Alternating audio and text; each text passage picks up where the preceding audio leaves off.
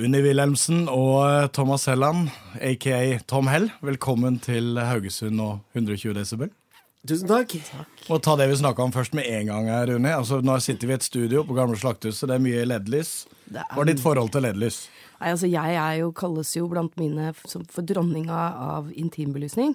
Og hele heimen min ser egentlig litt ut sånn som her, bortsett fra at jeg ikke har så mange fullt så mange forsterkere, men jeg har enda flere gitarer. Men det er altså LED-lys fra Claes Olsson her, og det var det første jeg spurte om. Og jeg kjenner jo igjen alle modellene, så nå har jeg hatt en diskusjon med teknikeren her om, om eh, Det viser seg at vi har akkurat de samme lysene. Han har sitt på soverommet, jeg har mitt på kjøkkenet der. Og så så jeg, jeg føler meg hjemme med en gang. Er det blitt så mye med mer? At du skal innom og sjekke ny nyheter som kommer, eller? Du, jeg er på Claes Olsson en gang i uka, jeg. Så det, dette veit jeg. Og jeg har egne løsninger på alt og veit hva som funker og ikke funker og sånt. Så det er bare å spørre. Thomas, du kan være vitne til dette. Du har, du har sett det. Ja, i eh, levende livet. Det, det er veldig Altså, ja. Jeg er ikke så flink på belysning.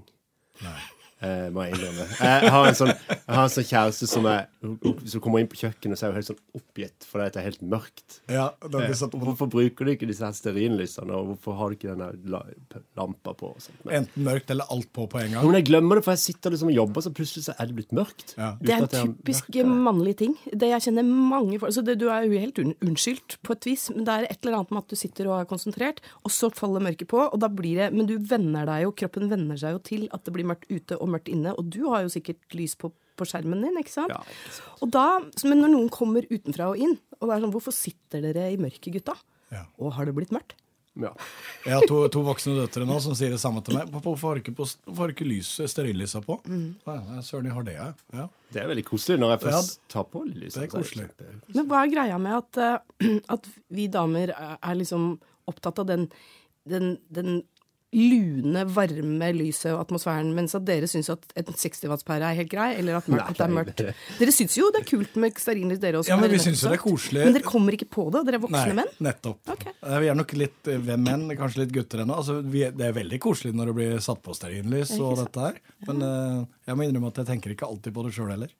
Men så skal det også sies nå om damer at jeg, jeg, jeg kjenner et par hvor han, han gjorde alt riktig. Han lagde hjemmelagd middag for å overraske henne. Det var liksom Han tente stearinlys, alt var greit, desserten var klar fordi hun hadde fortjent det osv. Så, videre. så kommer hun hjem, og så er hun sånn Men duk, det greide du ikke, liksom. og det, det syns jeg er litt dårlig gjort, altså. Jeg kan få den der hvis jeg har lagd en veldig god middag. Ja, men det er rotete på benken der. Ja. Jo, men det er typisk. da. Du har bygd ferdig badet i tre uker, og så får du det første du får høre når badet er innvia. Det er sånn ja, når vaska du huset sist? Og det, det, der har vi damer noe å lære, altså. Av meg. Hvordan er det med dere på, på tur der? Er dere veldig forskjellige? Hvordan det funker det sammen? Dere er på turné nå, det er derfor dere er i Haugesund? Vi er egentlig på mange måter eh, en og samme person. Er dere det? Ja. Få høre hvordan da. Ja, kom an. Eh, nei, vi, vi, vi tenker jo ganske, ganske likt Ja. på, over ting. Og vi er jo Ja, ikke, ikke bare musikk. Nei, nei, Nei. og vi er jo eh, Vi sier vel aldri nei til et eh, til et glass når vi kommer backstage, liksom.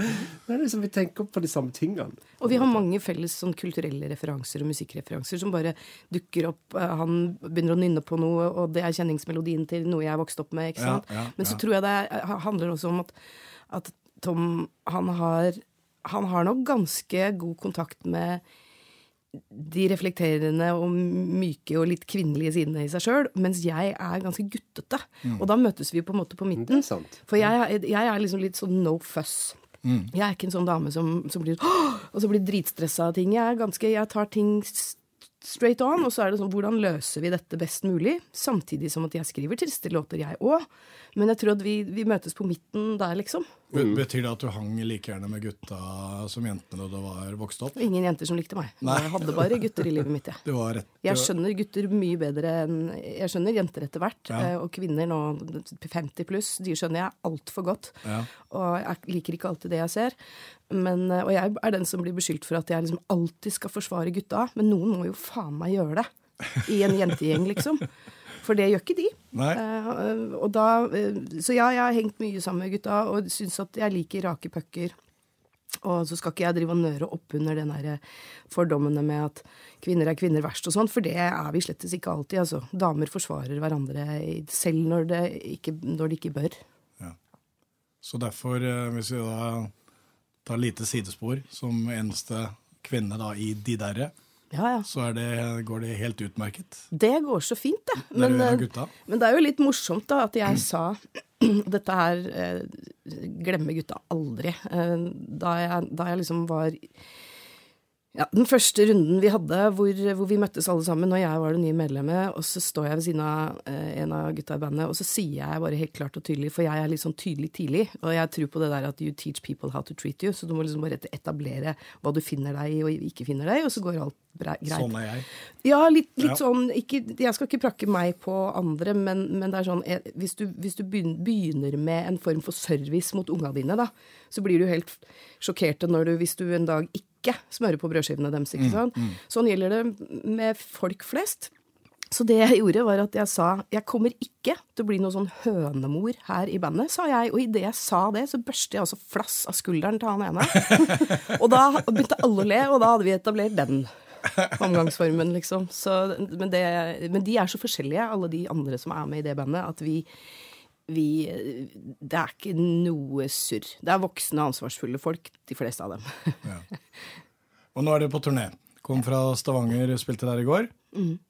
Men jeg, jeg har sett at det er en turné med litt sånne små luker innimellom. Er det for å få kommet seg litt hjemom innimellom, eller? Ja, jeg bor jo fremdeles i, i Sverige, I så jeg må komme hjem eh, Det, det, blir, jo, det, det blir jo sånn 48 timers opplegg Ja, hjemme ja, Eh, før jeg drar ut igjen. Så det er ganske eh, Vi er vel på femte uka nå, Mm. og vi har jo stort sett spilt fire Fire til fem jobber Mm. hver, hver uke. Og så skal dere videre til Bergen og Kristiansand etterpå, er ikke sant? Ja, Kristiansand til neste uke, ja. Ja. Mm, eller det, det er Bergen noe- til Få se, når- få se når dette kommer på. Ja, det men, var det jeg eh, tenkte på. ja, ja da, men det Men, men eh, nei, så eh, Men da, da er vi etter etter Kristiansand, og så er det en jobb i- mot Tofte, så er vi ferdig.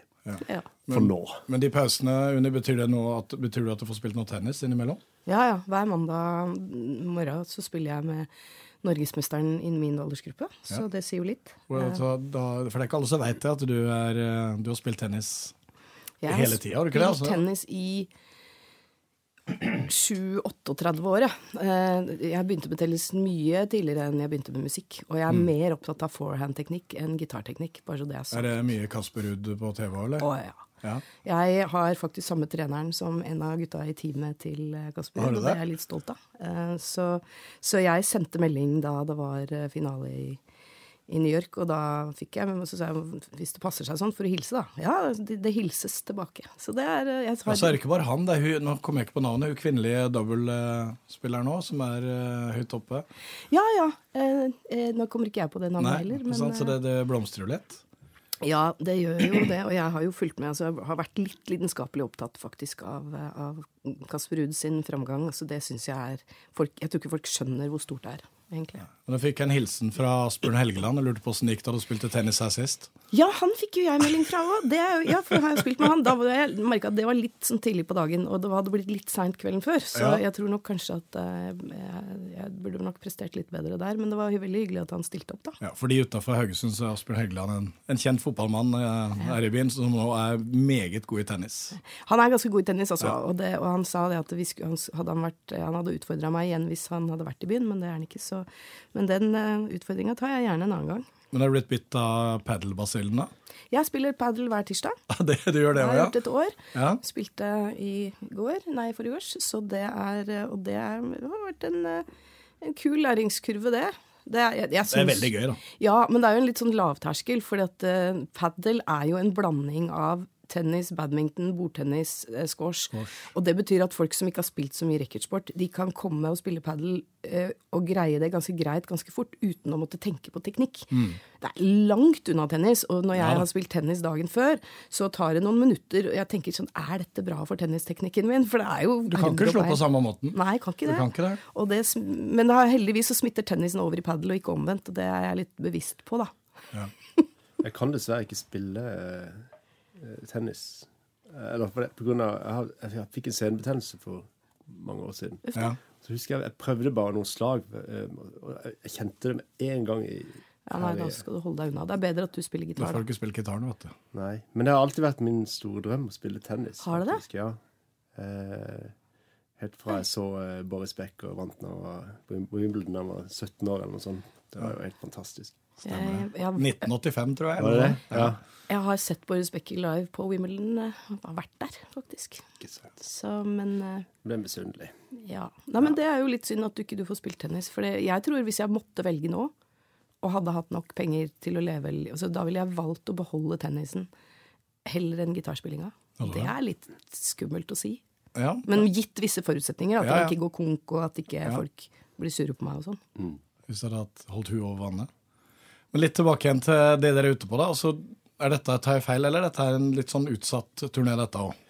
Stemmer ikke det? Nei, denne er Jo da, den er jo utsatt et Ja, års, årstid. ja, Ja, vi skulle egentlig gjort det i fjor, ja. Stemmer det. egentlig skulle vi gjort det for ti år siden. Ja, egentlig. Ja, det er det. Ok, Da kommer spørsmålet. Hvor, hvor lenge har dere kjent hverandre, og hvordan kom dette i stand at dere to drar? Jeg veit dere har hatt forskjellige konstellasjoner hver for dere, men dere to sammen? Vi, vi har jo egentlig ikke kjent hverandre mer enn en fire uker.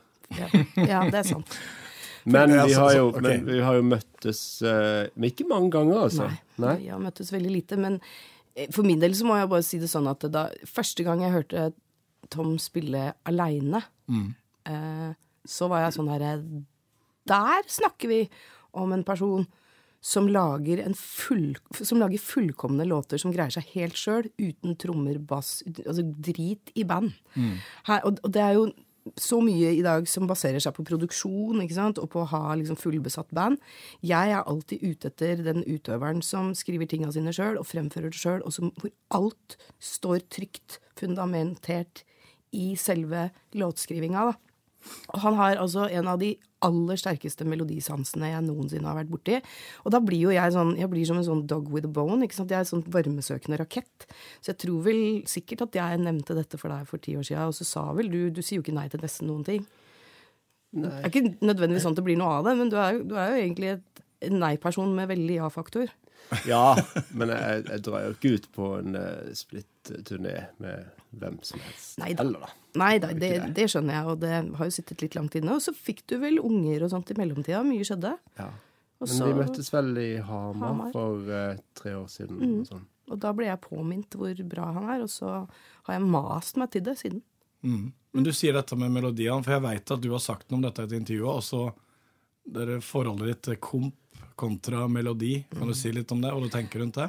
Ja, jeg syns jo at målsettinga mi, da, og alle må jo snakke for seg sjøl, det er mange måter å gjøre dette på, og mange måter å være flink på låtskriving på, men min målsetting er å skrive låter som alltid har en slags twist, ikke for at det skal være en twist, men du må gjøre sånn at jeg sjøl syns det er interessant å holde på med det, og så at publikum etter at musikken er ferdig, at de kanskje kan fortsette å nynne den melodien på vei inn i heisen, liksom. Da syns jeg at jeg har gjort en god jobb. Men så har du jo også sånne artister som Emilie Li- Nicolas, eksempel, hvor melodien og produksjonen er så nært sammenknytta at du kan ikke ta vekk den ene, for da den andre won't make sense, og at så blir det et kunststykke når de to kombineres. Men det er en annen teknikk å skrive låter Det er en annen ting, syns jeg. Jeg har alltid hatt som mål å Ja, det var vel etter jeg, jeg vokste opp på Burt Bacharach og Paul McCartney. Og så når jeg liksom satt etter hvert litt analysert den musikken, så har jeg funnet ut at det er en sånn måte jeg har lyst til å lage låter på. Det er å, å legge inn noen sånn litt vanskelige ting, men å få det til å høres veldig enkelt ut. Ja. Eh, Det husker jeg vi prata litt om sist òg. ja, så Det, det, det syns jeg er veldig gøy. At eh, folk tenker bare sånn ja, det, var, det var en fin, fin låt. Og så, så så skal kanskje en eh, vikarbassist sette seg ned med det, og så var det ikke så lett som man trodde. Ja, for det er en akkord de ikke tenker er der. Er du jo på den eh, Nei, men så han, så Tom lager jo utrolig sofistikerte låter, da. Man, kanskje så må man muligens være musiker for å få det med seg. Og, men da har han jo gjort noe riktig, hvis det er det som er målsettinga. For det er altfor mange som gjør det motsatte. De lager jævlig enkle ting, og så skal det liksom høres komplisert ut. Eh, det, men der må man kanskje også være musiker for å avsløre det, da. Så eh, han, noe gjør han riktig, i hvert fall. For jeg har ikke hørt enda eh, Fremdeles har jeg ikke hørt én eneste låt som ikke er sånn fy søren. Så du, du, du har vært fan lenge? Jeg har vært fan lenge. Og det går begge veier? Ja, må du si. det. Ja, ja. Ja, det var veldig ledende Men, men jeg, tror, jeg, jeg tror både meg og Unni uh, igjen er ganske like der at eh, eh, vi har ikke hørt gjennom hele hverandres backkatalog på den måten. Uh, eh, så, men, men vi har hatt respekt for hverandres musikalitet. Um, så det, det er det som er så gøy når vi er ute og spiller nå, for det at jeg får jo et helt annet forhold til noen låter som jeg har hørt fra før, mens det er nye låter som jeg aldri har hørt før. Og de har jeg fått lov til å liksom angripe på helt mitt eget på min egen måte, da. Så, øh, og vi er begge sånn åpne for at det trenger ikke å høres ut sånn som det er på skiva. Nei, helst Vi, vi, ikke. vi gjør det til vårt nå, liksom. Uh, og det, det er jo Litt også Bob Dylan light? ja, vi beholder jo melodiene. Ja, vi gjør det. Men, men jeg tror at det har noe med alder å gjøre også. For jeg, tror, jeg husker meg sjøl når jeg begynte i sein 20-åra, og opp, helt opp til nesten nærmere 40, så, så var jeg veldig sånn nazi på at eh, Jeg kan sikkert ikke si nazi lenger i disse woke-tider. Her kan du si det, kan du si. Fuck it! Eh, man må være litt sånn nazi på, på at eh, alt skal høres ut som på skiva. Så det var helt sånn krise hvis vi hadde brukt liksom Trondheimssolistene på, på en låt. Ja. Sånn, faen, hvordan skal vi gjøre dette her live, liksom? Så det endte jo opp med at gitarist, elgitaristen vår måtte plukke strykelinjene. Altså sånn Ja, det var der, Ja, ja. ja. Det er Og spesielt. det, eh, sånn holder jeg ikke på lenger. Nei. Vi finner ut at eh, det som er på skive, er én ting, live noe helt annet. Om det er alene eller duo, trio, kvartett. Det, liksom, det blir noe annet hver gang. Men det betyr at du er tryggere, da. Ja, jeg tror det. Man blir litt tryggere. Eh, bli, altså, kombinasjonen med å bli tryggere og gi litt mer faen. Ja, På og det, en positiv måte. Ja. jeg, alt, jeg har alltid syntes at det liksom Her sitter jeg og sørger for alt, liksom. Ikke bare tekst og melodi og akkorder og progresjoner og hvordan det skal låte, men jeg kjører til fra trykkeriet med motorsykkel til sjappa og leverer en kartong med CD-er. Altså, de gjør liksom alle tingene, så endelig kommer det noen utenfra som kan ja, som kan, Hvordan har du lyst til å gjøre det, liksom? Det syns jeg er kult. Akkurat som at, at hver gang jeg setter meg ned ved et piano eller låner noen andres gitar og setter i gang med noe som jeg har laga sjøl, så tenkte jeg å ja, du vil spille det på den måten, du, ja. For det er akkurat ja, okay, som instrumentet gjør noe med et visst piano blir sånn, Jeg husker en gang jeg satte meg ned og så bare sånn Jøss, skal det gå dobbelt så fort her, da? Enn det, enn det pleier. Så akkurat som om det er jeg, ikke er jeg som bestemmer. Og det syns jeg er litt ålreit, for at jeg bestemmer så mye hele tida. Ja. Og, så, og så er det ikke det at jeg skal vekk fra den derre kvinnelig, altså den oppfatningen man har av damer som skal være control freaks, det syns jeg bare er noe skikkelig tull. For det, handler om å ta ansvar for egen musikk og egen karriere. Men jeg er jo den aller første til å ville delegere ansvar og oppgaver til andre folk. Det er sånn, Hvordan har du lyst til å spille bass, da? Det eneste jeg ikke kompromisser på, det er hvis noen skal forenkle greiene mine og spille en liksom-akkord. Altså hvis jeg har tre toner eller fire toner i akkorden, og så, og så den midterste tonen der, den passer så godt til den meloditonen jeg synger. Hvis noen tar vekk den, sånn at spenningsforholdet blir annerledes, det går jeg ikke med på. For det blir sånn Ja, men vi gidder jo ikke å spille den sånn som du For det, er så, det blir så vanskelig. Så det, er jo, det er jo en gamehole du spiller. Så jeg driter i hva jeg spiller. Ja. Den tonen mangler. Finn den tonen, eller så må noen andre ta den. Det, sånn sett sa jeg, men fordi at de gjør noe med hele feelingen. Og da gidder ikke jeg. Hvis ikke jeg blir interessert i å spille min egen musikk, så må jeg jo slutte med musikk, da. Ja, men da tar vi, da hvis du, sånn som du sier, da, litt tilbake til Thomas, da tar du vekk litt av den tvisten da, med sangen. Da mister du litt av nerven da, som du er ute etter. Men hvordan gjør dere dette nå, da? Hvordan fordeler dere ting når dere er på turné?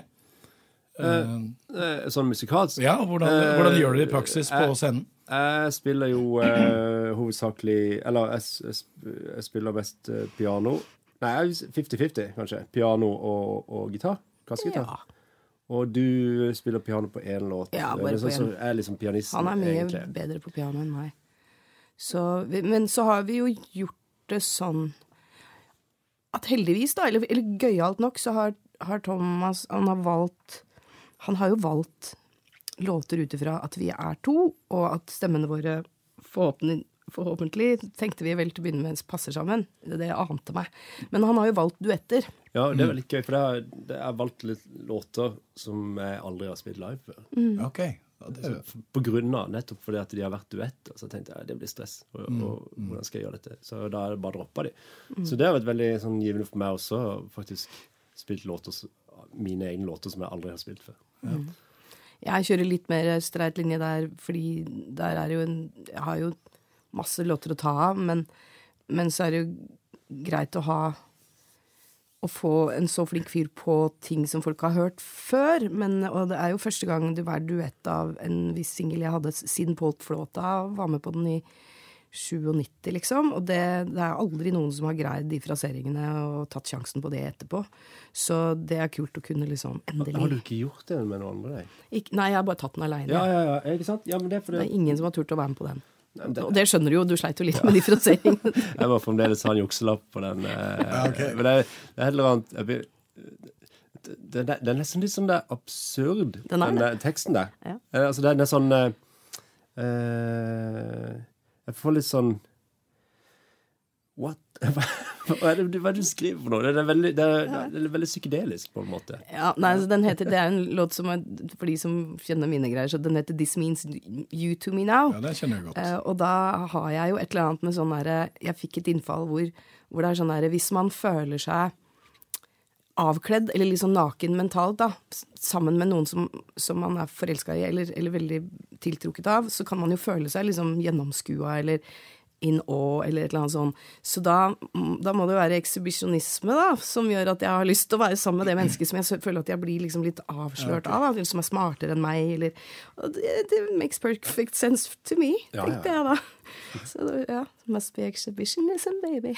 Men, men nå sier dere litt eh, Dere har sagt litt om det, men jeg har tenkt på det, for dere har Altså, dere har hatt masse forskjellige konstellasjoner. Sant? Du har Mr. Mibler på sida, du har spilt med Sol Heilo pluss andre, du har eh, eh, Steinar Aknes. Altså, når, dere- når dere da kommer sammen nå, ser dere ofte låtene deres i et helt nytt lys da?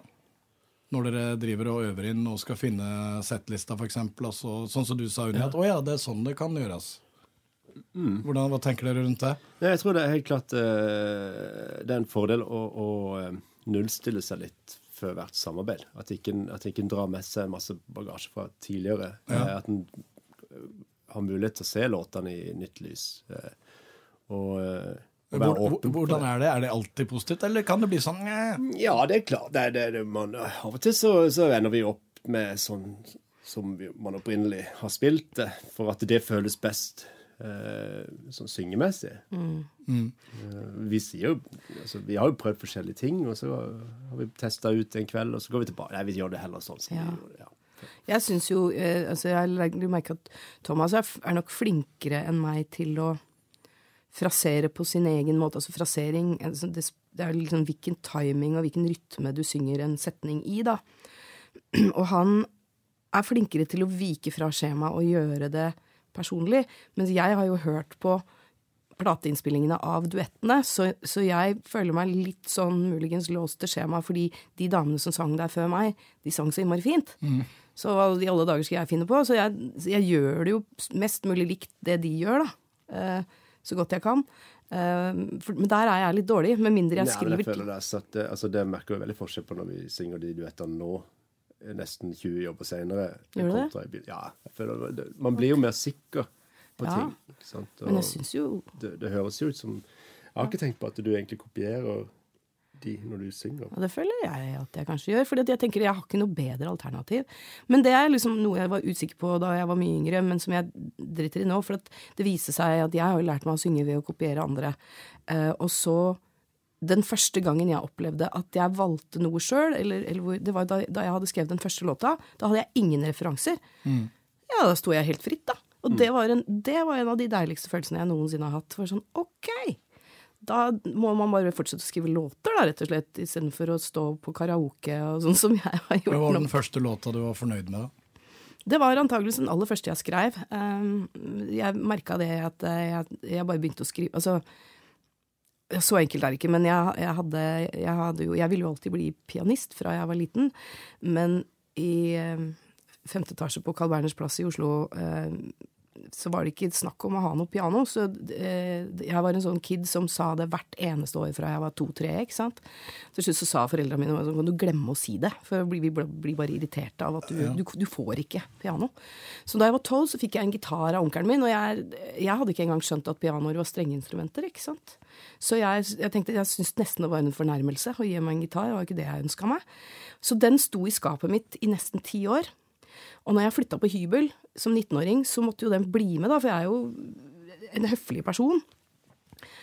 Og da hadde jeg ikke plass. Altså, den sto og tok opp hele klesskapet mitt, og så og sto den der liksom og banka på fra innsiden sånn mentalt. Den sto og liksom ropte på meg, og så, og så tenkte jeg OK. Så husker jeg at jeg en dag så bare åpna jeg skapdøra, og så sa jeg til den gitaren Greit, nå er det deg eller meg. Uh, jeg gir deg én time av livet mitt hver dag i ei uke, og hvis ikke det blir noe mellom oss da, så er det ut. Og så gjorde jeg det. Bokstavelig talt. Én time hver dag i ei uke. Og da den uka var over, så var det fortsatt litt uavklart. Så jeg var sånn OK, du får ei uke til. Og så kom den. Og det jeg prøvde å gjøre, var å høre på kassetter med låter jeg likte, og så prøvde jeg etter øret, for jeg kunne ingenting, så prøvde jeg bare å sette fingrene forskjellige steder, sånn at jeg og så lærte jeg meg halve sangen, men så kom det vel et eller annet barré-grep eller noe, da. Og da sto jeg fast. Da måtte jeg prøve neste låt. Og etter 14 dager så hadde jeg samla sammen nok sånne fingerposisjoner som låt kult, til at jeg plutselig en dag spilte noe som jeg ikke hadde hørt på kassett. Og da hadde jeg en halv låt, og så, det, og så hadde jeg masse skriverier som jeg hadde hatt i mange år, som jeg trodde Jeg liker jo ikke dikt, jeg skjønner jo ikke dikt. Men, så, og det jeg hadde skrevet, visste jeg ikke hva var. Og så plutselig så, så jeg at det, pass, det jeg hadde skrevet på det arket, det passa sammen med noe jeg hadde spilt. Og så lå jo egentlig melodien i lufta, det var bare å fange den. Jeg hadde bare ikke opp vært oppmerksom på det. Og så hadde jeg lagd den første låta. Og så var jeg sånn Ja, men det var gøy! Dette skal vi gjøre. Så da lagde jeg nok låter til tre album på et halvt år, tror jeg. Gjorde jo ikke noe annet. Hadde ikke kjæreste, hadde ikke barn. Men Vil det si at du lagde dine egne varianter av grep, eller? Ja, det blei jo det. Jeg veit jo fortsatt ikke hva ting heter, ikke sant. Og så hadde jeg så små hender. Jeg har jo det. Så noen ganger så hadde jeg gitaren på fanget som en dobro, og så tok jeg grepene ovenfra. Sånn Kjempekløen. Gjorde hun det òg? Ja, men hun gjorde det med vilje, da.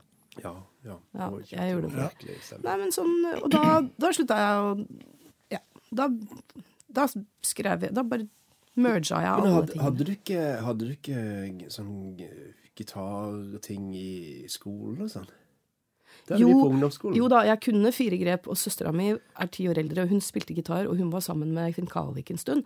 Men det er klart, så hun tegna streker og svarte prikker for Ja, meg. Så det er klart at de, jeg kunne D og C og G og F, men jeg har aldri nesten tatt et barrégrep i hele mitt liv. Jo Men det var det som skjedde når jeg gikk i, i Jeg tror det var i syvende klasse eller noe sånt på eh, Kongens gate skole, ungdomsskole, som ikke finnes lenger, dessverre. Men eh, da husker jeg vi hadde Harald Sødal i, eh, i musikk. Og, og vi lærte også disse her tre-fire grepene, liksom. Og så husker jeg, jeg bare sånn Ja, og så, og så da? Liksom. Så så jeg i den der musikkboka, helt bak oss, så var det bilder av alle akkordene. Og så gikk jeg til han, eh, Harald Sødal og spurte du, kan du trykke opp dette her på stensilark til meg. liksom sånn, Kan jeg, kan jeg få de? Og så var sånn, han var sånn Ja, men, men du kan jo ikke lære deg å spille gitar sånn. Så, jo, jeg tror jeg kan det. Ja. Og så fikk jeg, så fikk jeg de fire-fem arkene med alle Det er jo ikke alle grepene, men det De viktigste. ja, og så er det, er det fire forskjellige versjoner av samme, Ja. eh, samme akkord, da.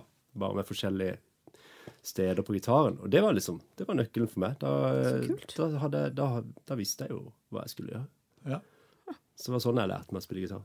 Men det, det var ikke helt selvsagt, for du, han snakka om ungdomsskolen, og du tegna mye. Og du tegner fortsatt. Ja.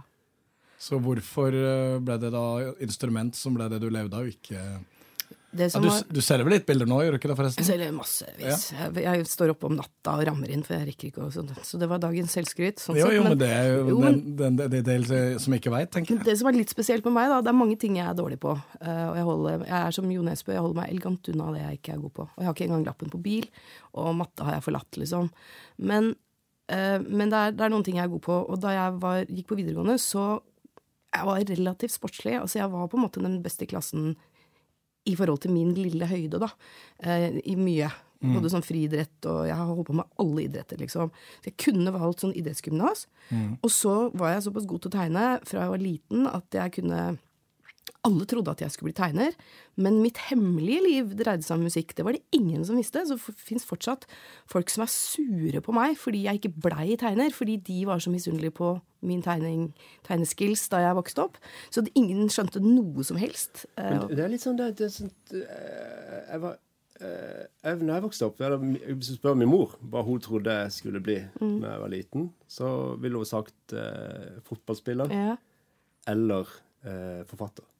Ja, ikke sant? Fordi jeg satt, jeg satt og skrev sånn der, bare sånn der eh, masse sånn essays hjemme, bare for gøy, liksom. Mm. Uh, men, uh, men, så tenk, tenker jeg det er jo en sånn ting man det, det gjelder jo tegning også. Det, det, er jo ikke så langt unna musikk.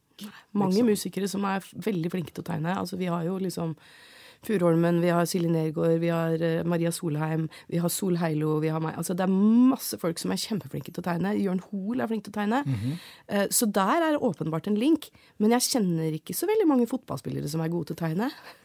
hva, hva syns du om det? Nei, Nei, det tror jeg du kan ha rett i. Nei, men altså, det er jo eh, Du nevnte tennis. Altså, jeg hadde ikke Jeg var ikke altså, jeg, jeg, sånn, jeg, tok jo tysk på ungdomsskolen fordi jeg skulle spille Bundesliga. Nei. Jo, jeg, var, var, jeg var, der, altså. Du er gæren, altså. Og jeg var også sånn der uh, Jeg var jo ja, Når vi løp 3000 meter på videregående, så var jeg best. På, jeg løp jo raskest av alle. Bortsett fra Knut Henry Haraldsen, da.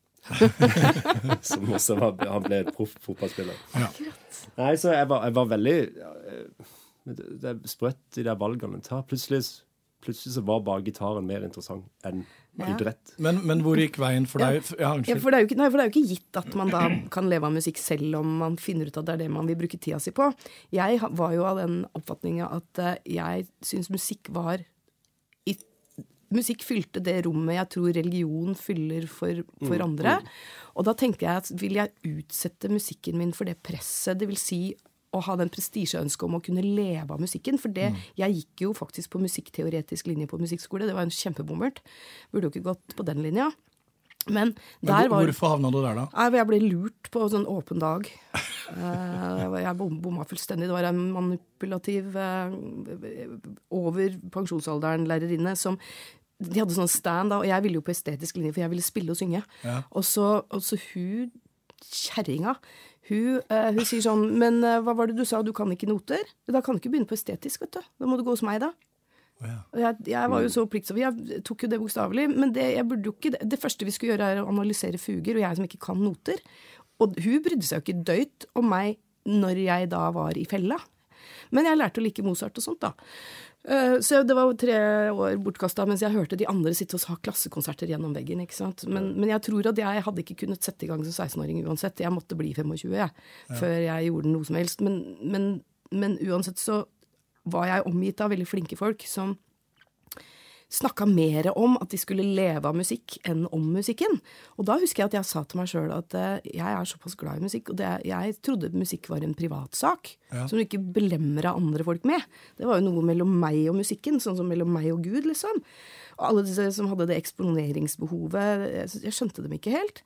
Uh, og jeg hadde forberedt meg på at jeg skulle bruke all, jeg skulle tjene gode penger, eller trygge penger på noe annet, og så skulle jeg bruke resten av livet mitt på musikk som bare jeg skulle Ingen skulle høre det jeg lagde, det var bare jeg. Det, det var Fordi jeg koste meg i det. Ja. Men så går jo ikke lenger enn at du plutselig stikker huet litt fram på en eller annen låtskriverkveld, sånn åpen mikrofon, da, ikke sant. Og jeg stakk jo ikke huet fram én gang. Jeg holdt jo på hver tirsdag så sto jeg der og banka på døra, ikke sant. Og så kommer disse etablerte gutta, Jan Dalen og, og, og, og så bare sånn åh hun ikke kom hit og øva. Shotgun Riders? Ja, ikke sant? men altså, det, var, det, var, etablerte folk, og de har ledd av det etterpå. fordi at jeg var jo så redd for å glemme teksten. ikke sant? Jeg satt med verdens minste bok med verdens minste håndskrift og var veldig introvert og, og holdt på å knote av det. Og de syntes jo ikke jeg var bra nok. Og det skjønner jeg. Og så ble jeg borte et halvt år fordi de skuffa meg litt. og så det var liksom Crossroads-filmen-stemning hjemme, mm. og sånn, og så kom jeg tilbake. Og da den aller første gangen jeg sto på flyeren til eh, Nye Skalder viseklubb i Oslo, på smuget, så var Finn Bjelke der. Eh, og eh, han ringte rett til Ole Evenrud, Ole Idole, som hadde fått ny jobb som artist og repertoaransvarlig for Polygram. Og da, når Finn Bjelke hadde kapasitet til å skryte av noen, da syntes Ole at han burde ringe. Men jeg trodde det var han Ole jeg spilte tennis med, for det var litt skurr på linja, så jeg gadd aldri å ringe tilbake. så han måtte ringe to ganger. Og så møtte jeg opp eh, på kontoret hans i eh, Supermann-T-skjorte og engangsgrill som stresskofferts og tresko. Var så trassig i trynet, fordi jeg var jo tross alt 4-25 og tenkte ja, der, jeg er bare forberedt på den 'Don't Call Us, We'll Call You'. Ja. Jeg hadde med en kassett jeg hadde spilt inn i stua hos en kompis. Det viste seg at de fire største hitene mine var jo, var jo på den kassetten. Og Ole har fortalt meg etterpå at han satt og holdt seg fast i bordplata. For han skulle signe meg på flekken, men han prøvde å ikke virke for overivrig. Så han sier sånn 'Jeg kunne tenke meg å gjøre en uh, avtale med deg'. Jeg satt og så ut på motorveien mens musikken gikk og tenkte sånn Ja, hvor lenge må jeg bli her? Og så sa jeg avtale, hva mener du? Jeg veit at dere får 1500 henvendelser i året, og dere signer tre, liksom. Er du helt amatør, eller? Og jeg ble nesten provosert. Og så sier han nei, nei jeg syns det var bra. Ja, dette må jeg hjem og tygge på. Ja, men kan jeg, ikke, kan jeg ikke sende deg et kontraktsforslag, i hvert fall, da? Sa han idet jeg var på vei ut døra. Og resten ja, du var der, ja. ja. Og så måtte jeg gjøre masse research og spørre folk om dette var lurt. Og, da, og jeg hadde tre deltidsjobber på den tida. Og jeg slutta ikke i noen av dem før jeg hadde gitt ut to plater. For jeg brenner, jeg, brenner, ikke noe skinn før gitaren er skutt. og første plata var en 96 og to spellemenn med en gang? var det ikke ja, det? Ja, det var to indre og vekk-menn. Det, det, ja. det, var jo ganske overraskende. Jeg kjente ingen i bransjen, og jeg hadde kjøpt meg et antrekk til 49 kroner per del på Hennes og Maurits, helt til jeg så liksom Lynni Trekrem i ballkjole og sånt. tenkte jeg sånn, Å ja, er det sånn det skal bli? Så, ja. men, men når du snakker nå, er du, eller var du, er det sånn god miks av beskjeden og direkte, eller? Jeg er ganske jeg, jeg, er veldig lite redd for folk. Ja. Jeg er mer redd for meg sjøl. Ja. Uh, og så har jeg omtrent 3000 konserter i, i, baklomma, og det betyr at Altså, jeg er ikke sjenert i det hele tatt, men så er det sånn at det, det er stor Jeg har funnet ut at det er stor forskjell på selvtillit og selvfølelse. -hmm. Jeg har mm -hmm. veldig god tillit til mine erfaringer, min vurderingsevne, hjernekapasiteten min, smartheten min og skillsa mine. Men jeg er oppvokst og tillært til å ha dårlig følelse, selvfølelse. Og det er jo det jeg skriver om ofte. Og det er også derfor jenter fra 14 til 55 kjenner seg igjen i en del av det jeg har skrevet. Eh, fordi jeg veit forskjellen på dårlig selvfølelse og god selvtillit. Eh, mm. Og derfor så jeg er ikke redd for folk. Hvem i alle dager skal komme her og komme her? Jeg er relativt smart. Men du er mer eh, streng med deg sjøl, rett og slett? Ja, er jo gæren. Jeg fiker meg opp daglig. Ja. ja. Men ikke når det gjelder musikken? Nei, den er jeg, det er jeg ganske trygg på. Og, der, og så er det sånn, sånne ting som at jeg er veldig opptatt av hvordan form folk bruker det. Jeg leste på Facebook her for et par uker siden, så, det, så var det ei som hadde skrevet sånn Må du huske på å ikke prate for mye mellom låtene, da. Og så er det noe med at jeg kan godt ta et hint, og jeg kan godt diskutere ting, og jeg kan godt ta regi, men det er noe med tonen. Mm. Og da blir jeg sånn For det første så gjør jeg vel hva jeg vil med det. Og så lenge jeg gjennom 26 år har fått Majoriteten av tilbakemeldingene er at folk syns det er kult å høre litt om hva det var som gjorde at jeg skrev låta. For det har de ikke kjangs til på Spotify. Så tror jeg kanskje at ikke du skal ta den tonen til meg. ikke sant? Og jeg gir meg aldri, vet Så da var det sånn Jo, men vi betaler full pris, og vi syns det blir for mye. Så jeg, ja, men det er greit. Men man kan ikke gjøre alle til laks, liksom. Det, det går ikke. Hvis jeg hadde drevet restaurant, så Du kan ikke gå på kompromiss med deg sjøl heller. Nei. For det, det, er folk Altså, det er det folk eh, glemmer, at eh, de Greit, de betaler penger for å komme og se. Eh, de betaler penger for å komme og se.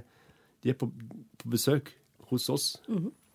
Scenen er der vi, det er der vi bor, egentlig. Godt mm. poeng. Mm. Uh, og de betaler for å komme hjem til oss og se hvordan vi har det. Mm. Ja. Og det, uh, Som et studie av et uh, menneske er jo vi artister, egentlig. Mm. Det høres altfor høytflyvende ut enn det egentlig var. Men, ja, men, det men, men, det er sånn OK, sånn her, sånn her gjør jeg. Uh, da, og hvis jeg velger å snakke, så snakker jeg uh, Altså, jeg gjør ikke ting for å please dere. Nei. Jeg bare gjør akkurat det jeg liker å gjøre. Ja. Så er det noen som liker det, og så er det noen som ikke liker det. Ja, og, så, og da fulgte jeg også opp med, for noen ganger så må man bli, må man bli helt sånn møkkete ærlig. Uh, Rart uttrykk, jeg har aldri sagt før. Men, eh, men, man må være helt noen ganger Jeg liker ikke å vise fram svakheter, men for å vinne en diskusjon, så må jeg noen ganger ty til det. Mm. Og da, når det da slang seg på ei dame til, Eh, mens jeg fikk jo mest like på det der at jeg, jeg, gjør som jeg vil med det, og så lenge folk liker det. Så da fikk jeg jo masse respons på det, selvfølgelig. Det er så enkelt på Facebook at folk skjønner ikke. Men, men, greia, men greia, var at det, så sier hun sånn Ja, men vi syns det blir litt pes, det blir litt mye. Så sier jeg OK, da tar jeg en litt annen vri. Det er sånn at jeg eh, blir usikker hvis jeg ikke greier å få folk til å le i løpet av de første elleve minuttene. Mm. Da føler jeg meg utilpass. Jeg koser meg ikke like mye som ellers. Jeg liker å føle meg trygg på kommunikasjonen med publikum. Hvis dette er min arbeidsplass fire dager i uka, så må jeg faktisk Jeg er en sånn personlighet. Og hvis jeg skal legge vekk den fordi jeg er usikker på om noen kommer til å mislike fordi, fordi dere ikke følger med på resonnementet mitt, fordi dere sitter kanskje og driver med noe annet, det gjør meg usikker. Jeg står der helt aleine. Uh, og jeg, det, er min, det er limet mellom meg og det jeg driver med. For mm. ellers så syns jeg det blir litt stivt, og jeg syns det blir for upersonlig. Uh, jeg liker den delen av ting. For ellers så blir jeg stressa. Ja, men, og da slutta jo alle. Da. Jo, men som, publikum, publikummer, så, så syns jeg det funker. Jeg har sett deg live, Unni, men jeg har sett deg, Thomas. Mm. Og du tuller jo litt og fleiper litt med de melankolske låtene, og jeg syns, ja. jo det funker. Det må jo til, da, når man har så ja, mye ja, trist materie. Du har Eggum som gjør det samme. Du, Unni, du, det høres ut som du gjør det samme. Eggum er kjempegod på det. Og, og, og, det og det, sånn, det bryter isen litt. Ja, det gjør det. det, gjør det. det og, uh, nei, men altså, jeg har vært Jeg husker når jeg var yngre, så, så var jeg mer opptatt av på en måte prøve å si ting for å please publikum. Liksom. Mm, mm. Men så etter hvert så bare tenkte jeg faen, det er jo jeg, jeg, må jo, jeg, jeg, bare, jeg, har lyst til å gjøre akkurat det jeg føler for, der og mm. da. Eh, og så, for det, det, da går jeg iallfall ikke på kompromiss med meg sjøl. Da, da viser jeg at jeg, dette er sånn som jeg er. Mm. Eh, og det er litt det samme som det vi snakker om med, med, med management og sånn. Mm. At det, de, de, de, er veldig flinke til å gi inntrykk av at du jobber for managementet. Ja. Når det egentlig er motsatt. Ja. Okay, ja. Eh, og når du først eh, irettesetter de og sier liksom, det her det er faktisk dere, dere jobber for meg, ja. jeg kan, jeg kan uh, gjøre slutt med dere når som helst, mm. så får du en helt annen service, for da viser du på en måte at du er uh, at du er selvstendig, og at du vet hva, hva, hva det mm. dreier seg om. Det er veldig mange artister som ikke vet det. Ja, og jeg må minne kolleger på hvem det er som jobber for hvem, mm. og da blir det litt sånn Ja, nemlig. Ja. Ikke sant? Altså, når, når, det plutselig er sånn at bandet ditt eh, blir, har på seg et helt annet antrekk enn i går fordi managementet har vært inne og kledd opp bandet ditt, liksom. Ja. Altså på det nivået. Det, det, og sånne hårreisende ting skjer. Så da blir du hun som sier fra igjen? Ja, jeg, det er veldig lett å være dame i, i Norge og bli hun derre. Ja. Eh, på, på, mange måter. Det var ikke sånn ment fra meg. Nei, men, jeg, men jeg, jeg, noen må ta på seg ansvaret her. Og det er liksom sånn at noe av det verste jeg veit, er å spille på TV. Fordi TV-folk er en helt egen gjeng. Jeg liker hver og en av dem privat. Ja. Eh, og, og, det samme med plateselskapsfolk. Ja. Men når de kommer sammen, så er det sånn at TV-folk de mener helt seriøst at det som ikke har vært på TV, det fins ikke. Mm. Altså De oppfører seg sånn, og, og, så er det, det er så mye stort, det er så mye press per sekund på TV, på direkten, at jeg har alltid sammenligna det med sånn eksperiment hvor du tar en sånn isoporplate med trykksensor, og så putter du det inn i en haikjeft. Og da får du antall tonn trykk per kubikkcentimeter. Sånn føles det for meg å være på TV, fordi det går alltid noe gærent som ikke er min skyld. Ja. Og så må jeg da, fordi jeg har så lang erfaring med fuck-ups på TV, så prøver jeg da å være tålmodig og vennlig og alltid blid. Må alltid være blid. Og så sier jeg sånn Kommer jeg på TV med, med Henning Kvitnes, vi er invitert for å gjøre en duo. Og så kommer jeg, og det skal være en lang dag og direktesending og sånt noe. Og så står det på scenen så står det to mikrofonstativer ganske nærme hverandre, og én stor sånn monitor som vi hører oss selv i. Mm. Og så sier jeg sånn, ja, hvor hadde dere tenkt at jeg skulle stå da? Kan dere ikke dele? Og så sier jeg sånn, er det sånn at når du skriver mail, så sitter du sammen med kollegaen din, og så bruker dere felles tastatur og felles skjerm og skriver hver deres mail, eller er det sånn, har dere en hånd på rattet hver, du og kona di, liksom? Og da blir det sånn, åh, Halvor, hvorfor hente en monitor til, da? Ikke sant? Og da blir det sånn at jeg er hun men er det fortsatt sånn? Ja, men jeg tror det er en balanse mellom at veldig mange av dem digger meg. Ja. Mens, mens, noen av dem er sånn der blir alltid et eller annet mikkmakk med hun. Men så blir det sånn, hvis dere bare hadde tenkt dere litt om, og hva dere utsetter oss for, og jeg skal stå der aleine på direktesendt TV Og det er klart at når du flytter Når jeg har en lydsjekk, og alt er avtalt, og alt er innstilt, og så kommer jeg på direkten et kvarter etterpå, og da er hele lydkilden min, hele gitarforsterkeren min, er borte. Og jeg står der aleine med en elektrisk gitar, og det er der jeg skal høre hva jeg driver med for å kunne synge reint. Og det er måker på Aker Brygge, og det er masse publikum, og det er sommeråpent, liksom. Og jeg, jeg greier jo ikke Jeg får jo angstanfall de luxe, aldri fått det før. Får det på direktesendt TV. Og så, og Jeg husker nesten ikke hva som skjedde etterpå engang. Jeg bare står der, og, og, og det er ingen det er sånn, Idet jeg skal spille, så er det ti sekunder. Så jeg, ja, men jeg må jo ha monitoren. Altså, jeg må jo ha lyden min, liksom. Fem sekunder. Det er ingen som bryr seg, ikke sant? Og da står du der, da. Og du skal være ganske voksen og gammel i gamet før du sier sånn Vent nå litt, folkens. Jeg får ikke gjort dette her, for det er noen som har flytta. Du sier ikke det, vet du. Du bare prøver så godt du kan. Og så sier jeg sånn Jeg er i så sjokktilstand at jeg er ikke i stand til å kjefte på noen engang. Og etterpå så er det jo bare ei sånn 22-åring som skal følge deg ut omtrent. Og så sier jeg sånn Hvor blei det av Hvor blei det av liksom hele greia mi her? Å, du mener den dingsen? Ja, den sto jo ikke så godt til sofaen, så vi flytta den. Og så blir det sånn ha det!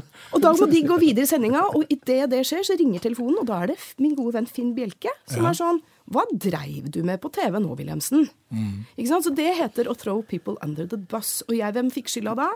Mora mi ringte og var sånn Ja, kanskje det dårligste du har gjort noen gang. ja. Og jeg får ikke kjans, og så sier jeg nei, du skjønner, de hadde flytta forsterkeren min. Hæ? Det er Det er ingen andre som bryr seg om det. Og når jeg har vært med på det så mye, så må jeg jo da forsikre meg da, hver gang jeg skal på TV, om at det ikke blir noe fuckups. Live on tape. Det er det Ja, eneste det er jeg er enig med deg i. faktisk nå. Og jeg, altså, jeg slutter, jeg Ja, slutter å gjøre frokost-TV fordi at det er altfor banna tidlig. Ja. Jeg skjønner ikke hvorfor ikke, altså, hvorfor ikke man bare kan komme der tidlig og bare vi gjør, for man, man gjør jo liksom 15 lydprøver og lysprøver Ja. og bildeprøver. Ja. Kan ikke du bare bruke ett av de takesene? Og, og, så, Ja, så kan ja. jeg gå hjem og legge meg igjen, Ja. liksom. Og så skal vi Vi, er der er klokka live, vi er der liksom? klokka 05.30 om morgenen, men vi skal ikke spille før ti på ti. Nei. Ikke sant? Da begynner du faktisk å få skjelven, for da har du drukket en liter kaffe. Ja, og da blir du stressa. Og så var det mye roligere og finere da folk gikk rundt i tøfler, og lyset var dempa og sånt. noe, Så du har helt rett i det. Det men det er også en sånn TV-ting. Sånn skal det liksom bare være. Og da må jeg innrømme at jeg har fått to store forbilder, inspirasjonskilder, og det er Henning Kvitnes hittil, og så er det deg nå. For det å være såpass kompromissløs at Henning Kvitnes er sånn som sier at å ja, dere skal ha meg til å kjøre fra Hallen og inn til Oslo tidlig om morgenen for å være med direkte i studio, i radio, som kunne tatt på telefonen. Og så skal vi snakke om den nye singelen min, men dere har ikke tid til å spille den. Nei, men da har ikke jeg tid til å dra inn til Oslo heller. Så da bryr han seg ikke, og så gjør han ikke sånt. Og du er jo den andre jeg møter som, syns, som tar deg råd til å ikke spille på lag med det systemet. Jeg ble, jeg ble jo jeg gjorde meg litt sånn upopulær i P3, for det, det var en periode der jeg var veldig mye på P3. Mm, jeg husker det. Og hver gang jeg kom innom, så var det sånn Du, kan ikke du eh, gjøre en coverlåt av denne her låta, liksom? For det er så gøy. Altså, har vi noe, det blir helt sånn unikt, liksom. Og så er det sånn altså, du mener jeg, skal ikke, jeg skal ikke spille min egen låt engang, liksom. Så bare sånn, Jeg gidder ikke. Det får du beskjed om idet du er der? Nei, da, Eller? da, da får du jo gjerne altså, de, Selv de skjønte jo at du kan Du ikke bare. Du må jo øve. Og så skal du bruke masse tid på å øve inn en coverlåt, liksom. Faen er greia med det? Ja, og, så, og det samme som det er sånn, Kan ikke du komme og spille Both Sides Now av Johnny Michel, for du gjør den så fint? Så, ja, det kan jeg jo. Og så, ti minutter før jeg skal på, så er det sånn Ja, by the way, vi har jo bare eh, 1 minutt og 47 sekunder til rådighet. Så, og så sier han hva, hva mener du, skal jeg spille den dobbelt så fort da, eller? Altså, Dere veit jo hvor lang den låta er, og jeg kan kutte vekk introen og outroen og mellomspillet, men jeg kutter ikke teksten til Johnny Mitchell på direkten på TV, liksom. Og så er det sånn, ja, men jeg trodde vi hadde sagt fra og sånn. Ja, sagt fra? For det første, så hvis du bare har maks to minutter til rådighet på en låt som er tre minutter, så må du jo ikke ringe og be meg om å spille den låta. Altså, det, det, er jo, det svikter jo allerede der. Ja, men det er bare det er hele, hele tida Det sånn. ligger en sånn eh, berømt, en, eh, berømt og berømt ute på YouTube med Green Day, som, eh, der de klikker fullstendig, for de blir telt ned mens de står og spiller en låt som har halvannet minutt igjen. Så da Ja. ender det med at de bare hiver instrumentene og banner og steiker og bare går av Ja. scenen. ja, men det er også sånn gøy når du har sluppet en skive, og så skal du Du skal komme inn, og så skal du spille den på kassegitar. Den, ene- den singelen din som, Mm. som du akkurat har sluppet.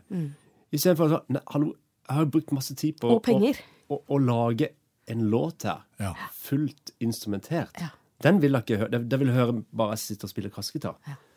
så, det, Hvorfor det, liksom? Det er jo, eh, nei, Nå ble det mye klaging her, men, det, Neida, men men det- det er ganske mye syke ting Ja. eh, i bransjen. Så man bare, man bare gjør det fordi at ja, man vil jo være på radio, man vil jo være på TV. Eller man vil jo det. egentlig ikke. Nei, egentlig vil man ikke. Man Men du må. føler at man må. Ja. Men det, dette er jo ting som folk som lytter, kanskje ikke veit. Det er nettopp det, og det er derfor det er derfor det er greit at dere prater litt Ja, om for det det, vi, kan jo høres veldig bortskjemte ut når vi sier 'jeg gidder ikke å gjøre frokost-TV lenger'. Ikke sant? Men, eh, men det er jo faktisk Det er ikke bortskjemthet, det er bare at vi, vi orker ikke. Nei. Og, og det å få lov til å, å si hvorfor vi ikke orker det, Mm. det er jo mye mye mer verdifullt enn det å gjøre seg upopulær. Sånn, ja, nei, men hun gadd bare ikke. Nå, nå har vi jo snakka en del om hvorfor det er vanskelig. Og da kan jeg avslutte den TV-greia med eh, det mest hårreisende jeg har vært med på. Da jeg skulle spille på frokost-TV i Sverige, direkten med Cecil Kirsebø og fullt band. Okay. Og jeg var den som skulle begynne låta. Og jeg hadde stemt gitaren min, og så går vi og spiser frokost. Så kommer jeg tilbake, eh, og den sto på stativet sitt, og jeg setter i gang med akkorden, og det låter helt skeit. Fordi da Og, og, og Børge Petter, altså Pettersen Øverlær på, som på gitar, heldigvis var han med, så han bare ser på meg, og jeg bare Så han tar over, da. Jeg får ikke spilt en tone i resten av den ene låta vi hadde flydd til Stockholm for å gjøre. Det eneste jeg Noen ganger må man resonnere seg fram til hva kan ha skjedd. Noen på det settet på TV-settet har snubla i gitaren min, så den har gått på trynet. Og istedenfor å si fra til meg sånn at jeg får stemt den på nytt, så er man så redd for sin egen ass at man sier ingenting. Og det ødela hele den turen for meg. Og alle de andre i bandet var sånn eh, Hadde du ikke stemt gitaren din, eller? Eh, jo. Ja. Og det at man ikke engang skjønner såpass når man jobber i TV Du napper liksom strømmen på pedalbrettet hvor det er programmert et eget tempo, og så bare har du flytta den, så har du ikke sagt ifra. Sånn at når jeg skal spille aleine, så er det noe helt fremmed som kommer. Det å ikke skjønne såpass når du jobber med teknikk i TV, at du må i hvert fall Du får være litt mindre redd for ditt eget ego, da. Og så får du si fra at 'sorry, jeg, gitaren din velta, men du må muligens sjekke den på nytt'. Ja, ja. Men er det litt sånn at det, denne holdninga der igjen, da, at dere er så heldige som får lov å komme her, og vi er mer opptatt av lyd og lys og bilde og Ikke lyd, nei. Lys og Nei, bilde. lys og- Hvordan okay, ting ser ut. Lys og bilde. Det kan komme en dame idet du skal begynne å spille kassegitar, en gitar til liksom 50 000, så, kommer, så merker du at du blir litt sånn bløt på henda. Og så ser jeg ned, og så sitter en dame på huk og skal smøre brunkrem på hendene mine. Og så sier jeg hva er det du skal da? Nei, du er så bleik på henda. Så jeg, men det er jo januar, og vi bor jo i Norge, liksom. Jeg er jo ikke her for å se brun ut på henda, jeg er her for å spille gitar. Jeg skal jo ikke ha noe klin på gitaren min. Altså så lenge alt handler om hvordan ting skal se ut, Ja. og veldig lite om hvordan det egentlig låter, Ja. da melder jeg meg ut. Ja, Altså. Bedre TV var i sort-hvitt. men, ta, ta, men eh, nå snakker vi TV, da. Ja. Du har vært der før, Thomas, hos meg. Vi snakka om hver gang vi møtes, som begge har vært med på. Du fleipa litt, sa det for det mener pengene, sa du. Men, men, eh, men et sånt konsept i 2022, der det er mindre salg over disk av både vinyl og CD-er, altså hvor viktig er det? Er det viktig for artister å være med på? Ja, for, å, for å på en måte eh, balansere litt, da. Ja. Fordi nå har det vært eh, Jeg kaller det ikke klaging, jeg kaller det realitetsorientering Ja, det okay. og, in, og inside information. Men hver gang vi møtes Da jeg var med, i hvert fall, så var Ja. det et helt tydelig eksempel på det fine. Fordi alle som jobba i den produksjonen da jeg var med, de ville det samme. De ville at det skulle bli god TV med oss og musikken i fokus. Var Conny det? Conny var der, og alle de som jobba på settet, var, ja, de var engler, Ja, ja. hele Var gjengen. Conny. Ja. Ja, hun er jo så flott. ja, det var jeg òg. Det var til og med nesten jeg. Så, så, men men, men det, vi ble behandla med så mye service og respekt, og vi skjønte, og det var så gode folk på jobb, både på lyd og lys og, og bilde, eh, at det er jo det eneste musikkprogrammet jeg har vært i nærheten av som, hvor man ikke blir stemt ut underveis. Eh, og bare det gjorde at vi koste oss. Og det å få lov til å fortelle historiene bak sangene på ordentlig, og få lov til å, å, å, å, sette søkelys på hverandre og hylle hverandre, det er Men du vet at originalt, altså konseptet originalt er, var et utstemmings... Ja, jeg veit at, Var det jeg? Fra, fra hvilket land da? Er Nederland, dette òg? Ja, Og så veit jeg også at den danske versjonen og den svenske versjonen ikke har blitt tatt så godt imot som i Norge, for det har blitt mer sånn derre surrekalas uh, av det. Mens, mens i Norge har det funka fantastisk, og det er kanskje det Jeg er kjempeglad for at jeg ble spurt på å være med og kunne være med på det. Uh, det, det ga jo et kjempeoppløft, og det er jo sånne ting ingen snakker om. Jeg, spilte, jeg har spilt i snitt 100 konserter i året i veldig mange år, men det har vært my med mye andre konstellasjoner òg.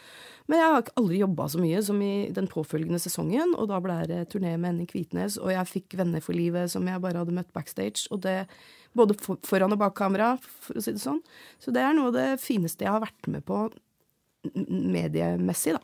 Men sånn merker dere effekten eh, jobbmessig òg, eller? Ja, jeg lurer litt på det. Jeg- Jeg, jeg var liksom, for å være helt ærlig, jeg, fikk, eh, jeg, var, jeg, eh, jeg hadde håpet at jeg skulle få At det skulle generere noen eventjobber. Ja.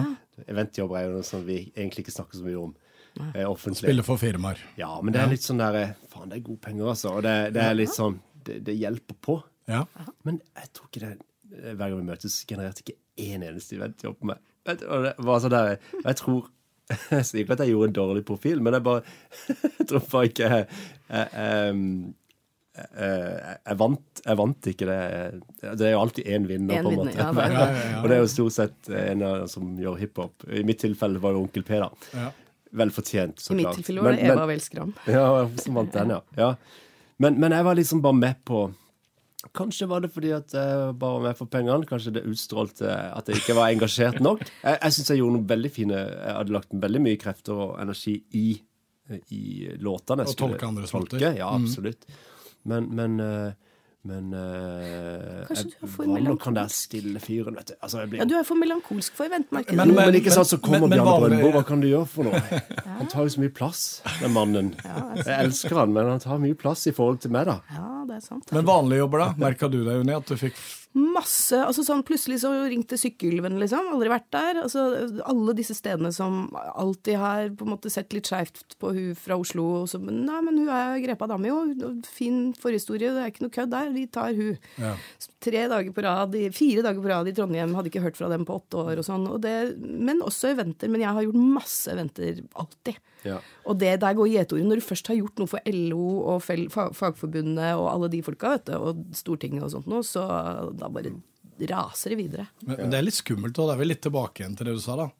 Det Holdninga til TV-folka. Hvis du ikke har vært på TV, så altså, ser hvor mye, hvor mye makt det mediet har, da. Ja. Jeg har egentlig godt forhold til, eh, til uh, NRK, iallfall. Og det så til. NRK Radio det er Sånn deilig. der, eh, mye, mye, mye sånn innsamlingsaksjon og, og jeg, jeg, og det var det, det råeste jeg har gjort, var jo den her eh, syvårsmarkeringa på 22. juli.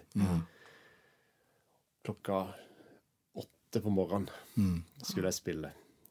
Og det, og det, det var sånn derre du, Det er sånn appell, og så skal du opp og spille én låt, og så skal du gå ned igjen. Og så skal Erna Solberg si noe. Og så, og så skal du opp igjen ned.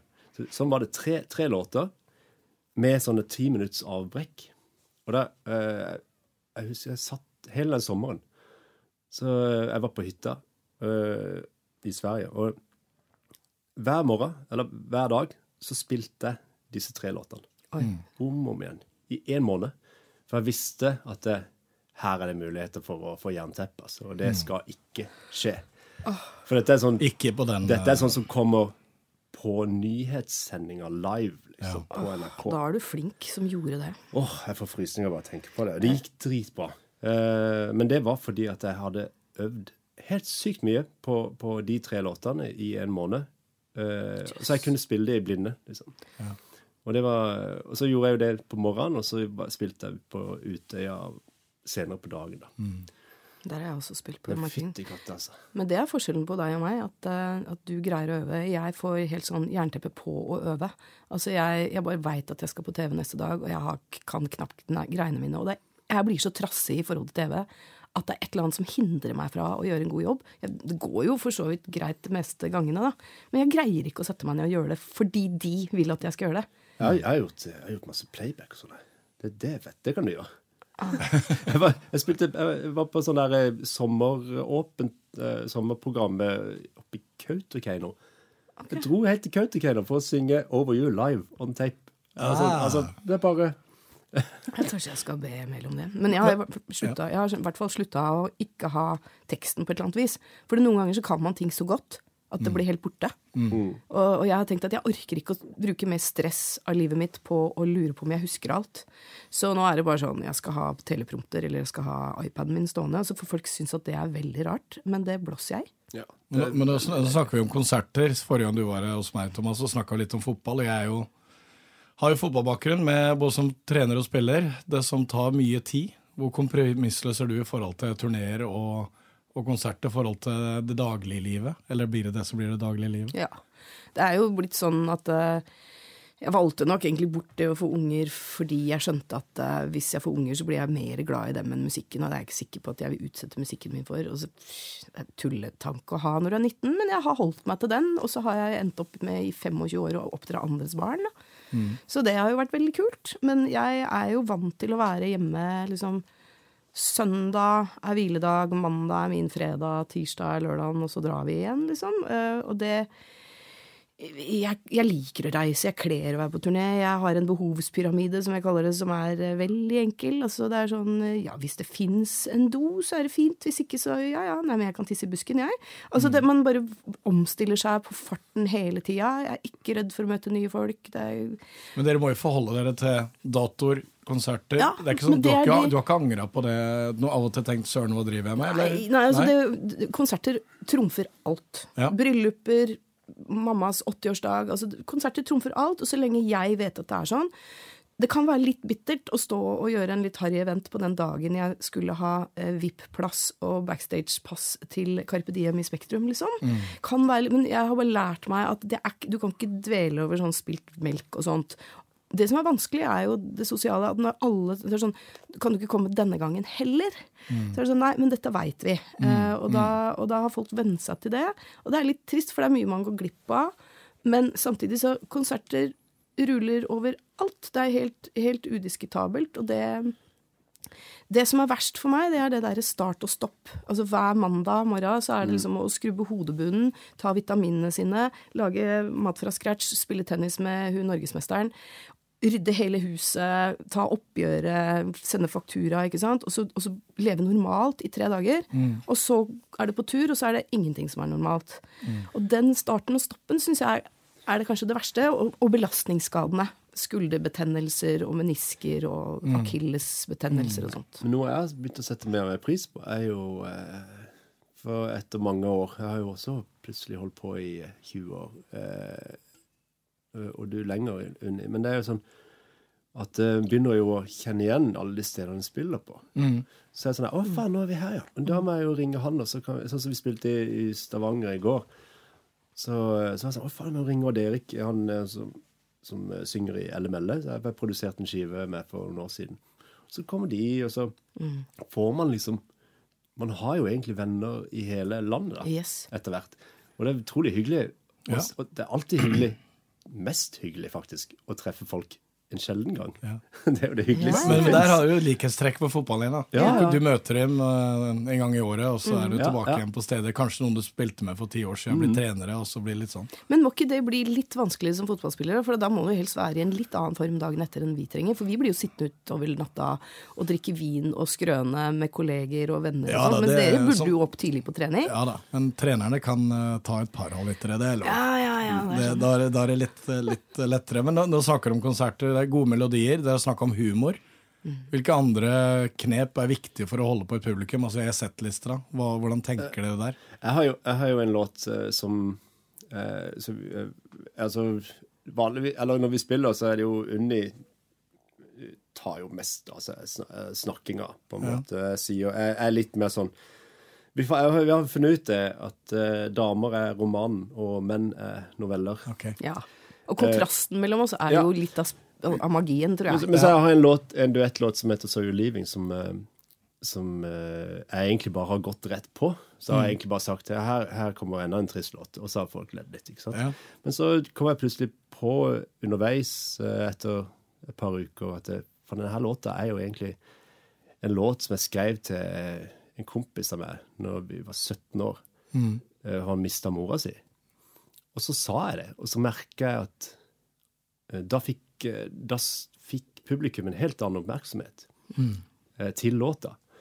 Og, og, eh, og, så snakker vi om det etterpå, og så sa hun at det egentlig det gjør ingenting å, å prate om døden heller, liksom.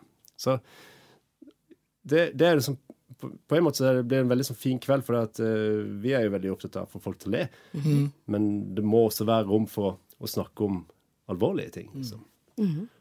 Og, og, kontraster er jo, er jo mm. veldig viktig for meg. Jeg har jo alltid fått råd fra forstår seg på i bransjen om at du skal ikke snakke om økonomi, du skal ikke kreve at folk skal både le og grine i en og samme konsert. Det er, bare, det er tull.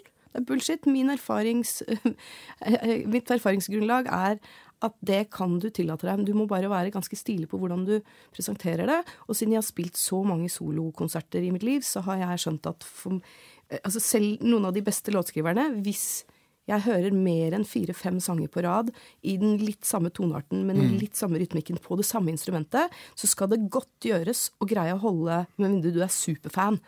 Og da skjønte jeg ganske tidlig at jeg må bytte gitartyper over på piano.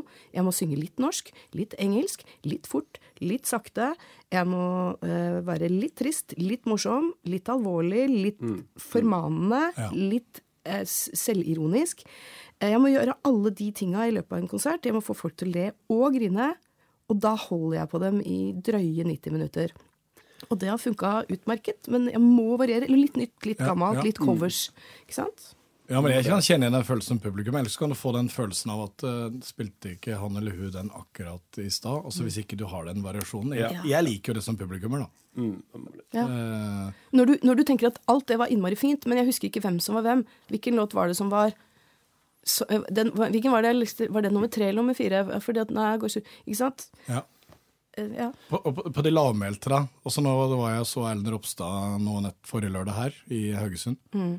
Og når han er nedpå, så sitter det tre stykker bak meg og snakker om hva som har skjedd i uka. og da merker Jeg, jeg er jo type som blir irritert på sånt, da. Men mm. hvordan klarer dere å holde fokuset på, på scenen da? Uh, når, det, når, det, er helt stille? og det skal... Altså, vi, vi, legger jo grunnlaget eh, fra begynnelsen av fordi at alt vi gjør, er jo lavmælt. Ja.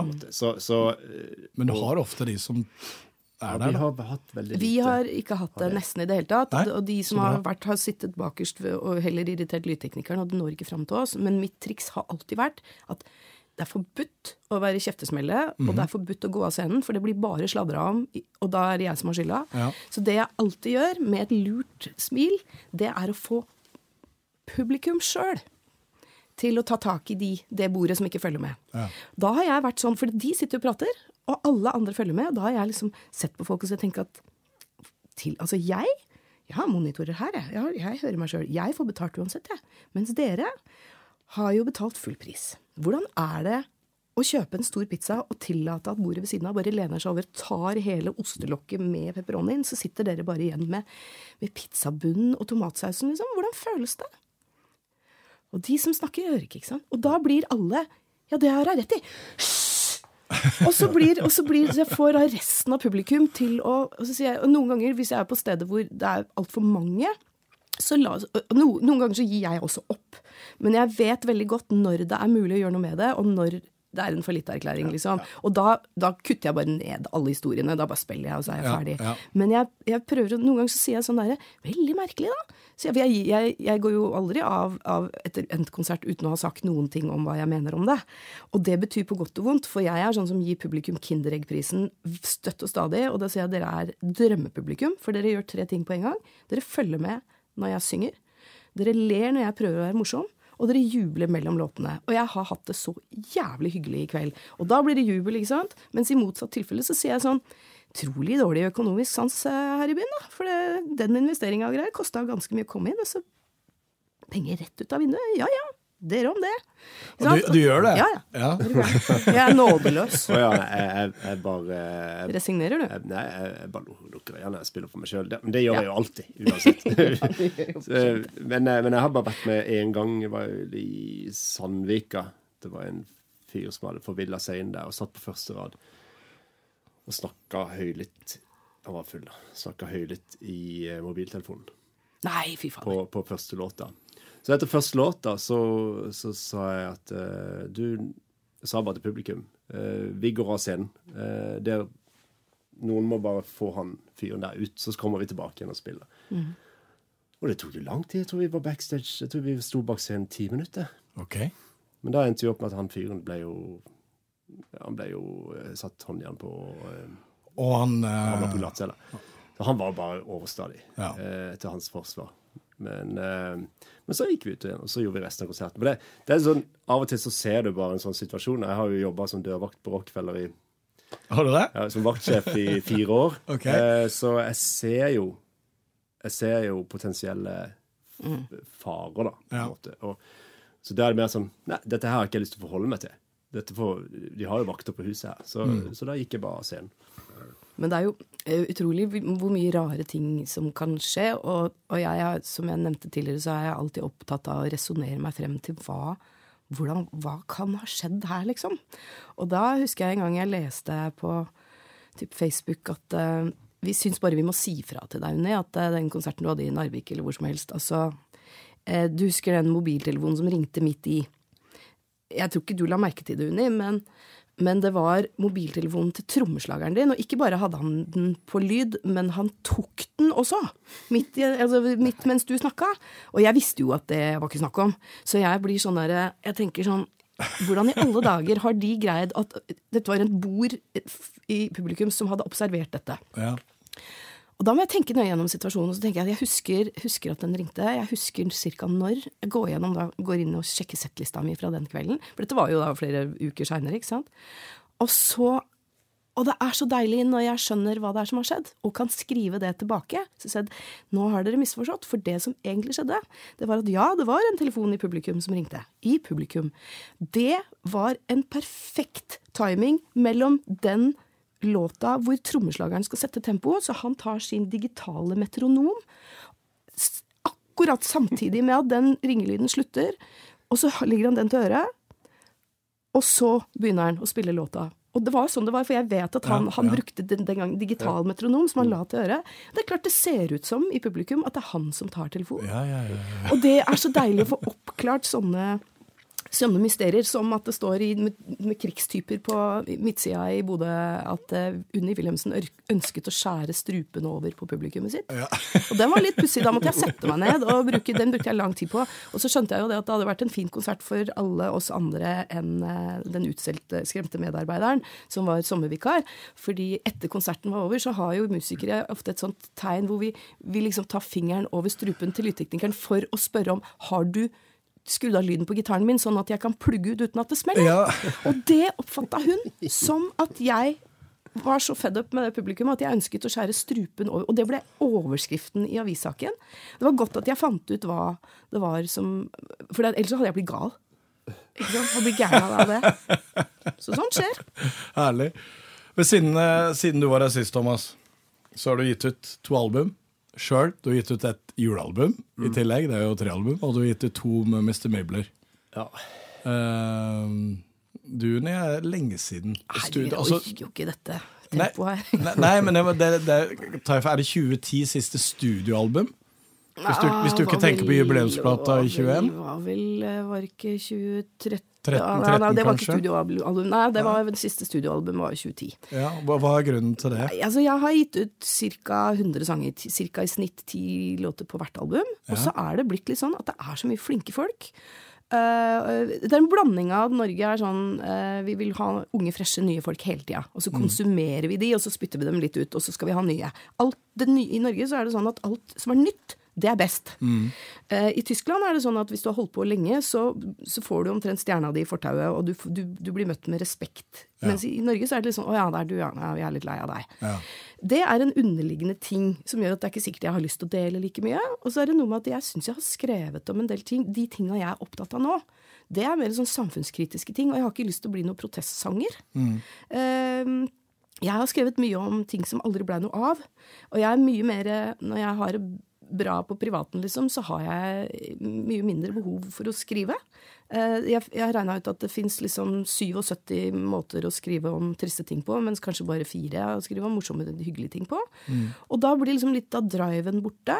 Eh, og så er det det at jeg en viktig ting er at jeg har gitt ut mine egne plater siden 2003, og det er masse arbeid, syns jeg, forbundet ja. med det. Og jeg er også sånn type at eh, hvis jeg først gjør noe, da, så vil jeg veldig gjerne at det skal få en god ferd. Så jeg må liksom bruke masse penger og masse folk, og jeg må koordinere alt sammen. Og, det, og bordet fanger, og du må stille opp på masse greier som du må gjøre for at den plata skal få en god sjanse. Der syns jeg også det er inspirerende med Thomas, som er sånn Nei, men nå har jeg lagd en plate, den får greie seg sjøl. Mm. Uh, jeg veit ikke helt om jeg greier å komme dit, for det blir liksom viktig. Og så er det en ting til, og det er at jeg orker ikke mer av sånn tullete anmeldelser som, hvor folk har støvsugd mens de hører på. Ja, men du trenger jo ikke å tenke på det, for det er ingen som anmelder. Nei, det er også så det, det, det er derfor men, men, har du Altså, eh, de tekstene du skrev for 25 år siden, da, Er de fortsatt relevante for deg, så du er komfortabel Ja. med det? Ja. Ja, det, er- det, jeg kan bare synge en sang jeg ikke har sunget på en stund, jeg, og så Ja. blir jeg kasta rett tilbake i situasjonen. Og så veit jeg også at jeg skriver på en måte som gjør at folk i alle aldre kan relatere til det. Uh, men, men mye av det er at når du reiser liksom Når du spiller 100 konserter i året, inkluderer da at du drar ganske tidlig på dagen og kommer hjem på neste ettermiddag, så blir det, når du først er hjemme, så viser det seg at jeg jeg tar ikke fram instrumentene mine. Jeg er lei meg for det, og jeg, jeg skulle ønske at det ikke var sånn. Jeg har masse materiale. Masse opptak. Masse Ja, var det jeg skulle spørre om du hadde en del Ja, jeg har liggende. Ja. Du har hørt litt av det, du. Eh, jeg trenger en, en, en slags em, katalysator, og det kan godt hende at det blir Thomas. Mm. uh, som kan sparke meg litt bak, og så Vet du hva, nå setter vi sammen dette. Mm. Så lenge jeg har noen å leke med. Jeg har holdt på så mye aleine at jeg, jeg får det ikke ferdig på egen hånd. Jeg orker ikke å bruke tida mi på det når jeg er aleine hjemme. Men hvis noen kommer på besøk, så kan jeg sitte og øve og pusle og lage låter i ti timer i strekk. Og bli irritert hvis folk går ut og røyker, liksom. Så det er eh, noe med det at jeg har vært for mye aleine. Men i forhold til deg, Thomas, eh, hvordan mot, du to album eh, i år. Ja, Hvordan, altså, altså to eh, som ikke er Ja, Hvordan har mottakelsen vært der? Du, Den første gikk litt sånn hus forbi, den som slapp i, uh, i januar. Der var det noen nydelige låter. Ja, ja absolutt. Ja. Uh, men så slapp, den slapp nå i begynnelsen av september. Fikk plutselig en del anmeldelser. Eh, så det, det var nesten litt sånn overraskende. Så noen- jeg hadde nesten glemt at skiva skulle ut. Så det er noen som anmelder eller ikke har? Det er noen som anmelder. Eh, Men åssen skjer det? Skjer det bare for at folk følger med på deg, eller, eller har du noen som sender ut ja, det har vel Ronny sendt ut eh, Ronny har sendt til ut, eh, Det er Ronny Trus. Ja. Ja.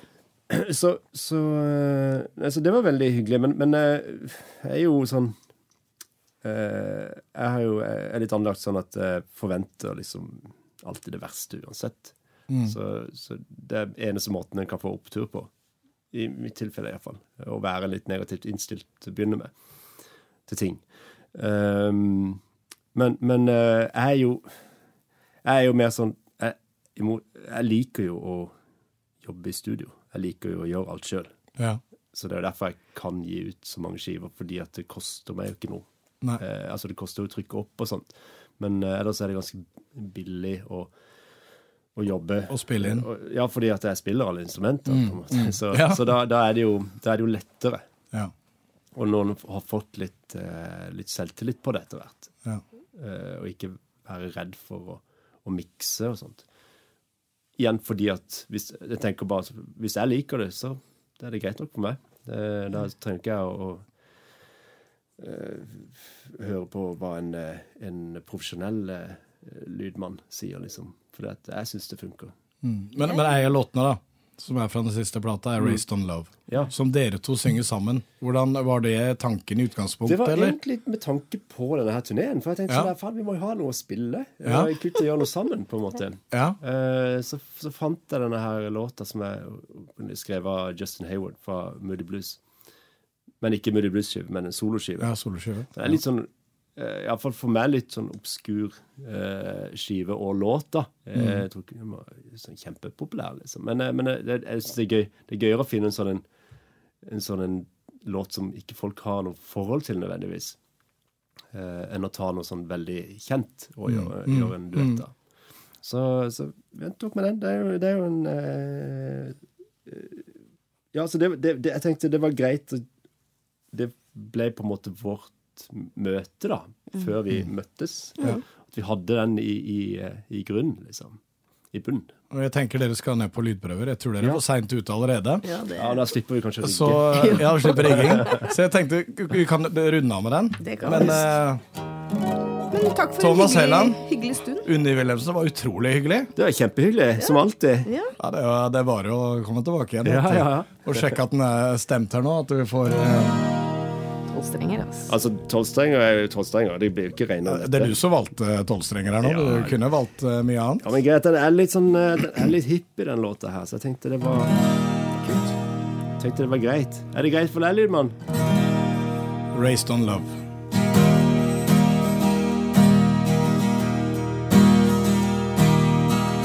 We won't be sleeping on our own tonight. The star that guides us is still shining bright. In the darkness there will always be a light. I think I know now what is wrong and what is right. Cause I was raised on love. Yes, I was raised on love. And I thank heaven above for being raised on love.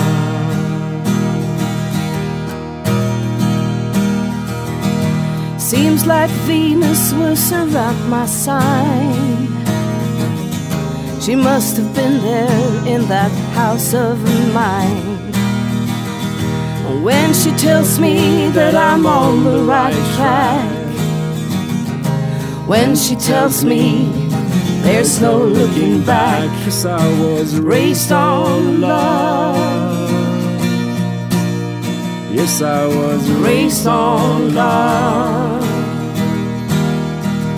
And I thank heaven above for being